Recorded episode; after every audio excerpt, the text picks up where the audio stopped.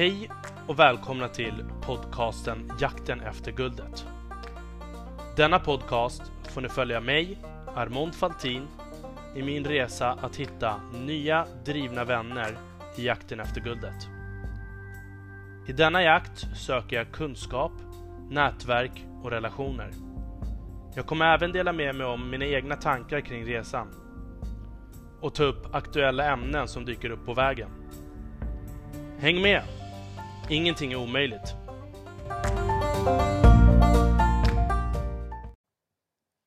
Hej och välkomna allihopa till avsnitt 82.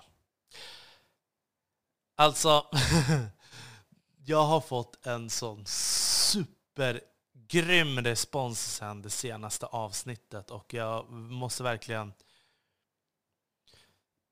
Det är så här, när, när, när det liksom har stått still ett tag och man tror att det är en hel del bakslag så ser man inte riktigt hela processen som egentligen pågår. Och jag har ju hela tiden haft ett väldigt långsiktigt mål och då gäller det att när det går lite långsammare att man zoomar ut och liksom tittar på själva helheten. Men vad var planen egentligen? Och jag fick, jag fick ett samtal från eh, en väninna som jag må, bara måste tacka. Jag kommer inte nämna henne med namn, men eh, hon jobbar i alla fall på Carnegie. Och eh, hon hade berättat, att Carnegie är ju ett av de här företagen som sponsrar Antler. Och eh, hon skickade ett meddelande till mig efter hon hade lyssnat på podden och så eh, ringdes vi lite grann och pratade lite. och Alltså det är ju verkligen sådana här samtal och den här peppen som man behöver få. Liksom. När man själv tror att man bara står och stampar, man själv tror att man liksom okej, okay, nu, nu ska vi se om man får lite halvdanna avsnitt som man kan dela med sig av. Och så tänker man inte på att många av de här kliven som man själv gör är det är, det är väldigt hög tröskel för andra människor. Men om man själv har tagit de här kliven tidigare så tänker man inte på det när man liksom bara strugglar. Som för mig så, har det liksom varit att ah, jag måste få ut material, jag måste få träffa människor, jag måste nätverka. Och, och så går jag med i de här programmen. och, och liksom, för mig har det inte varit en så stor grej uh, i vad jag tänker i, i de sammanhangen som jag agerar. Men eh, tydligen så för många andra så tycker de att det är en väldigt stor grej. De tycker att man är driven, som tar de här initiativen, fortsätter köra och det är kul att man liksom träffar nya intressanta människor. Och där blir det så himla motiverande att få sån här pepp och tagg ibland. Och den här tjejen, det är också en otroligt inspirerande person.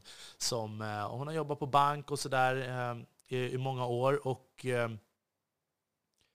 hon gillar ju också att ta massa olika kurser hela tiden. Så att vi kanske kommer i kontakt med varandra en gång i halvåret. Knappt det. Och, och, varje gång vi är i kontakt, då verkar det som att hon gör någon ny kurs på universitetet vid sidan om av sitt jobb. Uh, som bland annat, ja, nu höll hon på med någon kurs på Handels och tidigare har hon på med lite programmeringskurser. Hon är väldigt analytisk och sådär av sig. Och Ja, jag tycker bara det är väldigt spännande och kul att höra när sådana här personer ger en bra och positiv feedback. Och eh, det var ju nästan av ett rekord av människor som liksom har hört av sig nu just på grund av den här delningen av eh, att jag har varit med på Antler. Så det är jättekul och det tackar jag verkligen så himla mycket för. Nu, det senaste som egentligen har varit på Antler. Jag kan inte dela med mig om alldeles för mycket saker för uh, jag vet inte riktigt vad, hur, hur mycket man får dela med sig om. Men, så jag kommer bara säga lite krimskrams runt omkring. Och, alltså någonting som jag tycker gör att Antler sticker ut de har verkligen pinpointat det här helt och hållet. Och det är vad, vikten av att hitta ett team och hur svårt det är att hitta ett team. Hur svårt det är att liksom rekrytera proffsig personal med liksom så här startup-anda. Och där har de verkligen lyckats fånga en, samma, eh, en sammanhållning och ett community där människor med väldigt hög kompetens samlas och vill någonting mer än bara arbeta på ett vanligt jobb liksom, och vill bygga på någonting. Där, där, där tycker jag att de har gjort väldigt bra och det, det är nog det som har gjort så att de sticker ut uh, i jämförelse med de andra inkubatorprogrammen, även om de andra programmen också vill para ihop en med, med massa folk och sådär. Och alltså, nu som ni kanske hör så är det lite bättre ljud. Jag har uh, äntligen tagit beslutet att hämta hem utrustningen från kontoret så att det ska bli enklare för mig att spela in så att det blir bra ljud. Och det roliga är, när man har liksom, jag är ju egentligen en person som måste stå upp när jag pratar. Jag måste stå, jag måste promenera, jag måste liksom gå runt. Det är då min hjärna fungerar. Och så fort jag sitter ner, då blir det som att så här, då tror kroppen att det är läggdags. Och så, så, nu är det lite bra i alla fall att jag får tagit hem mikrofonen och få lite bättre ljud till er förhoppningsvis och samtidigt träna på att prata i mikrofon igen. Det är ju faktiskt också en färskvara. Nu kommer jag ha Eh, lite ensam avsnitt här fram tills jag är klar med den här kursen. För helt plötsligt från ingenstans så blev det bara hur mycket som helst att göra på ingen tid alls. Och jag lyssnade nyligen på ett avsnitt med Navid Modiri i en podcast som heter På jobbet, den starke ledaren. Navid berättar ju hur, hur hans resa har varit kring att liksom bygga hans podcast och hur han liksom strugglar med sig själv att hålla sig lugn och fokuserad och han har väldigt smarta, intelligenta gäster. Och det har ju funnits perioder då han har haft tre gäster på en dag, tre gånger i veckan.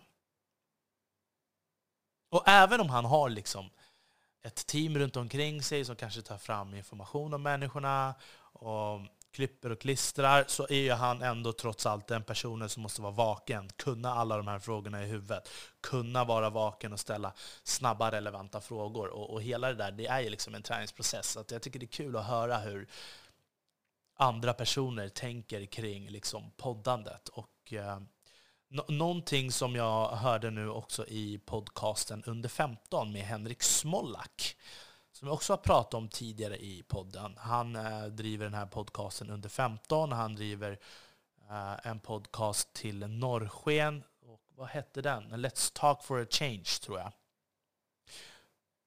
Och han är ju liksom också en supergrym person. Och han intervjuade den nu senast eh, grundaren av Acast. Acast är ju podcastappen där de beskriver liksom hur de skiljer sig jämfört med andra plattformar. Och jag tyckte det var väldigt intressant att få in liksom data, hur det ser ut för just podcastandet i Sverige. Och det är ju så att i Sverige så är det 30 procent av alla över 16 år lyssnar minst en gång i veckan. Och det generella snittet är fyra avsnitt i veckan.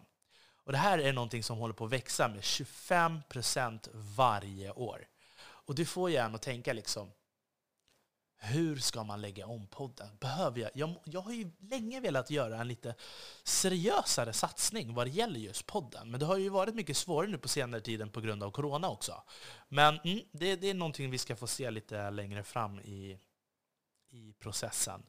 Men eh, nu förra veckan så under Antlers program så var det en skitgrym tjej som heter Filippa som har startat ett företag som heter Tradebay.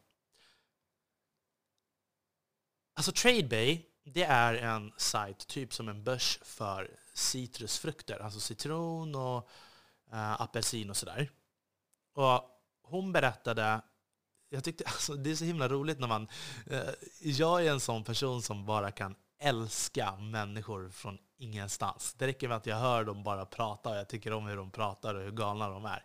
Och den här Filippa, hon är definitivt en sån person.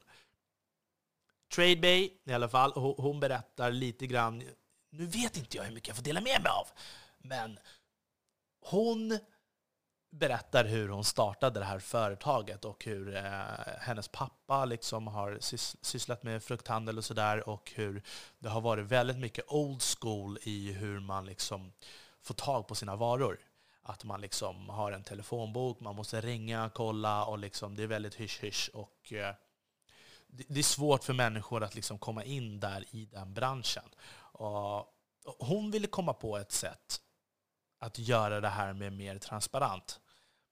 Så att hon kom på att hon ville bygga en sida och eh, göra det enklare för människor eh, som har kanske ett stort lager som behöver bli av med resten och liksom kunna köpa och handla av varandra. Och även för liksom de som planterar frukterna i utlandet och, och kunna sälja direkt till företag i andra länder.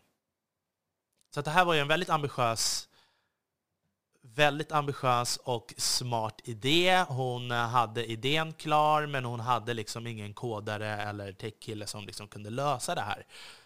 Det här är en tjej som också var med i Antler för ett halvår sedan bara, tror jag.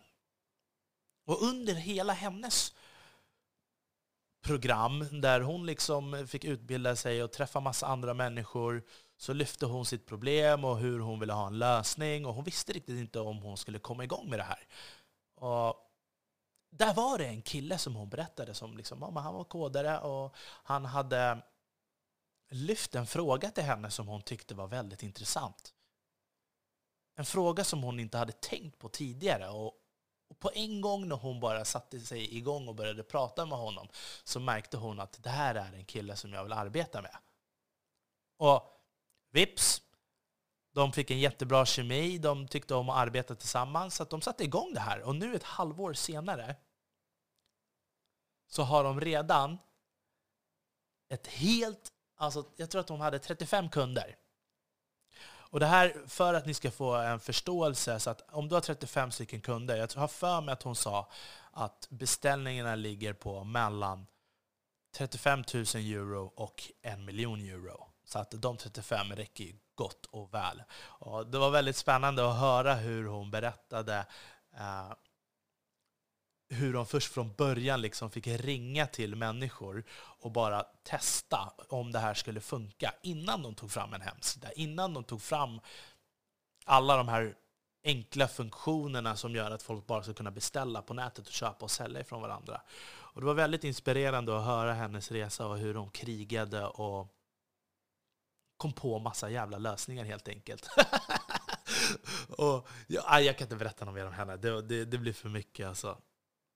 Men framöver i alla fall, nu när man har zoomat ut lite grann och tänkt så här, det är ju det personliga varumärket som jag har velat bygga hela tiden. Och tydligen så har ju det personliga varumärket vuxit nu ändå. Fast man liksom känner att man inte har haft gäster, man fortsätter ändå, kommer på lite ämnen. Så att feedbacken, och så fort man tycker att det är jobbigt då gäller det att zooma ut.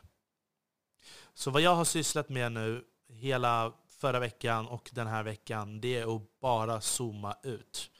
Inte vara alldeles för nära detaljerna och jag tror att det här är någonting som jag kommer behöva göra mycket mer av för att jag liksom ska kunna få ett helhetsperspektiv. Så att där var det, det var bra att jag eh, fick den kontakten med den här väninnan på Carnegie som påminde mig lite grann om att zooma ut och titta på helhetsperspektivet. Vad är det jag tänker så här, vad är det jag vill få ut ifrån Antler sen då? Jag vill ju verkligen hitta... Det finns ju, som jag berättade om tidigare, att de har lite huddles. Huddles är där du får komma på ett ämne eller du får berätta om din idé och så får du diskutera lite om det med eh, andra personer från olika bakgrunder. Och bara för att liksom spinna vidare på idén och få lite feedback. Nu har ju inte jag en idé, men no någonting som det här har gjort för mig, det har ju varit en, e-, en, en stor omställning att från... Jag kommer ihåg när vi hade Gamers Nutrition. Då hade jag precis kommit hem ifrån Thailand och eh, jag skulle rikta mig till Gamers och vi trodde att vi skulle köra internationellt ganska direkt och Gamers deras språk är redan på engelska. Alltså allting de gör är på engelska hela tiden. Så att eh, vi körde ju det konceptet liksom på engelska ganska hela vägen. Och det är ju så här att för att liksom prata business-språk eller prata med andra, då gäller det att man liksom är väldigt fokuserad. Och, nu helt plötsligt när jag blev inkastad i Antler och inte pratat engelska eller sovit och drömt på engelska på flera år gör att man är enormt rackig. Så att jag fick slänga mig in i en miljö där människor har ett extremt avancerat språk. Eh, inte så avancerat att jag inte förstår vad de säger, men att man själv inte har engelskan riktigt där. För att ibland när man översätter, direkt, en direktöversättning från svenska till engelska kan bli fel ibland. Som exempelvis den klassiska How much is the clock? Det är riktigt svengelska. Hur mycket är klockan? Man säger inte how much is the clock. Då tror ju folk att man undrar hur mycket klockan kostar. Man säger what time is it? Och det är bara så här, en, en i ledet av alla så här små konstiga grejer som man kanske kan säga men inte behöver bry sig så himla mycket om egentligen. Men eh, det är någonting som jag tänker på väldigt mycket när jag hamnar i de här konversationerna. Och sen är det ju också så att jag tycker att på svenska så har vi lite mer beskrivande språk på så sätt att vi... Om vi säger en mening på kanske sju ord, då kanske det bara är fyra ord på engelska. Men säger vi sju ord på engelska och drar en direktöversättning, då kanske det blir lite en, en överförklaring och liksom tappar lite styrka i det. Så att, um, det har varit en stor omställning och, och, jag tycker att det är kul att man får börja lite med engelskan igen för att uh, jag har ju tänkt att ha, jag har ju några gäster som jag kommer behöva ha på engelska faktiskt. Så att nu gäller det att försöka ställa om och jag måste försöka börja prata på engelska lite oftare. Jag har ju haft hela tiden, så, sen jag bodde i Thailand så hade jag jag märkte att jag behövde ställa om telefon, jag behövde ställa om data för att om någon liksom skulle använda min data eller någonting så kunde inte jag ha på svenska. Och då försökte jag hela tiden säga bara, men läs noga. Titta noga och tänk efter. Svenska och engelska är så himla lik. Du kommer att förstå vad det här är. Uh, I åtta av tio fallen så fungerar ju det. Dels med ikoner och sen att svenska är väldigt lik engelska. Men det slutade med i alla fall att jag eh, slog om till att, att datan och mobiltelefon och allt sånt där har alltid varit på engelska. Och jag har ju läst på engelska de senaste tio åren också enbart, inte på svenska. Just för att försöka hålla uppe engelskan. Men det hjälper ju inte om man inte pratar. Och man behöver ju bryta den här barriären att vara liksom feg, speciellt som svensk när man anser sig ha att man, man måste kunna vara liksom flawless i engelska. Man måste vara helt fläckfri i engelska för att det är ju nästan som ett andra språk. Alla i Sverige har ju liksom, kan ju svenska nästan eller engelska nästan perfekt, i alla fall vad det gäller läsa och eh, lyssna. Och sen när man pratar, då handlar det bara om en vana. Så att, eh, mm. det har varit lite pinsamt och nu har vi lite så här idévaliderings... Program där vi ska diskutera med massa andra. Och man, ska, man presenterar sig själv, presenterar sin bakgrund. Och det är knackigt när man har liksom 12 pers från alla olika delar av världen som enbart använder engelska hela tiden i sitt språk och i sina studier och i sitt arbete. Så att, eh, det, har varit, det har varit väldigt uppfriskande och kul att få hoppa in i det igen. Nu, nu måste jag verkligen träna också på det här när jag har eh, gäster som kommer alldeles strax på engelska. Så att, eh, ni får inte skratta åt mig alldeles för mycket. ja. Och eh, sen en till rolig grej, det är ju eh, Josef Fallesen som jag har pratat om tidigare i, i podden också. Han är ju också en... Han drev ju Businesspodden och eh, i Businesspodden så fick ju folk pitcha och prata med en person från näringslivet som fick ge sin åsikt om deras idéer och så vidare. Så att han har ju haft på sätt och vis eh, ett draknäste fast i poddform. Och det fina och roliga är här, han hade ju en vision för tio år sedan om att han ville starta ett draknäste fast liksom i poddform i Sverige. Han startade det i podden och den blev hur stor som helst och det var det tredje året den exploderade. Och innan var det liksom, då flöt det på, men tredje året så var det liksom bara tiodubblades det. Fan vet jag. Någonting sånt. Och nu så ska ju han vara en av drakarna i Svenska draknästet på SVT. Och jag vet inte hur... Jag är så himla glad för hans skull. Han kommer både ta in färska människor, färska företagare som vill pitcha sin idé och liksom få in kapital och, och, och, bara gå vidare. Och han har ju gjort den här resan redan.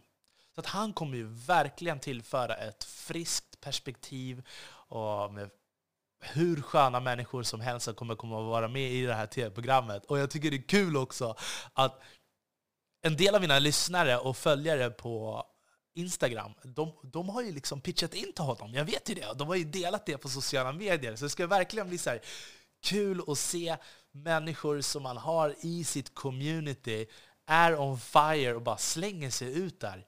Och, och, jag vill verkligen se hur det går, för att jag har ju berättat tidigare också att det har ju varit ett stort antal som har varit med i Josefs podd som hade noll när de pitchade i hans program.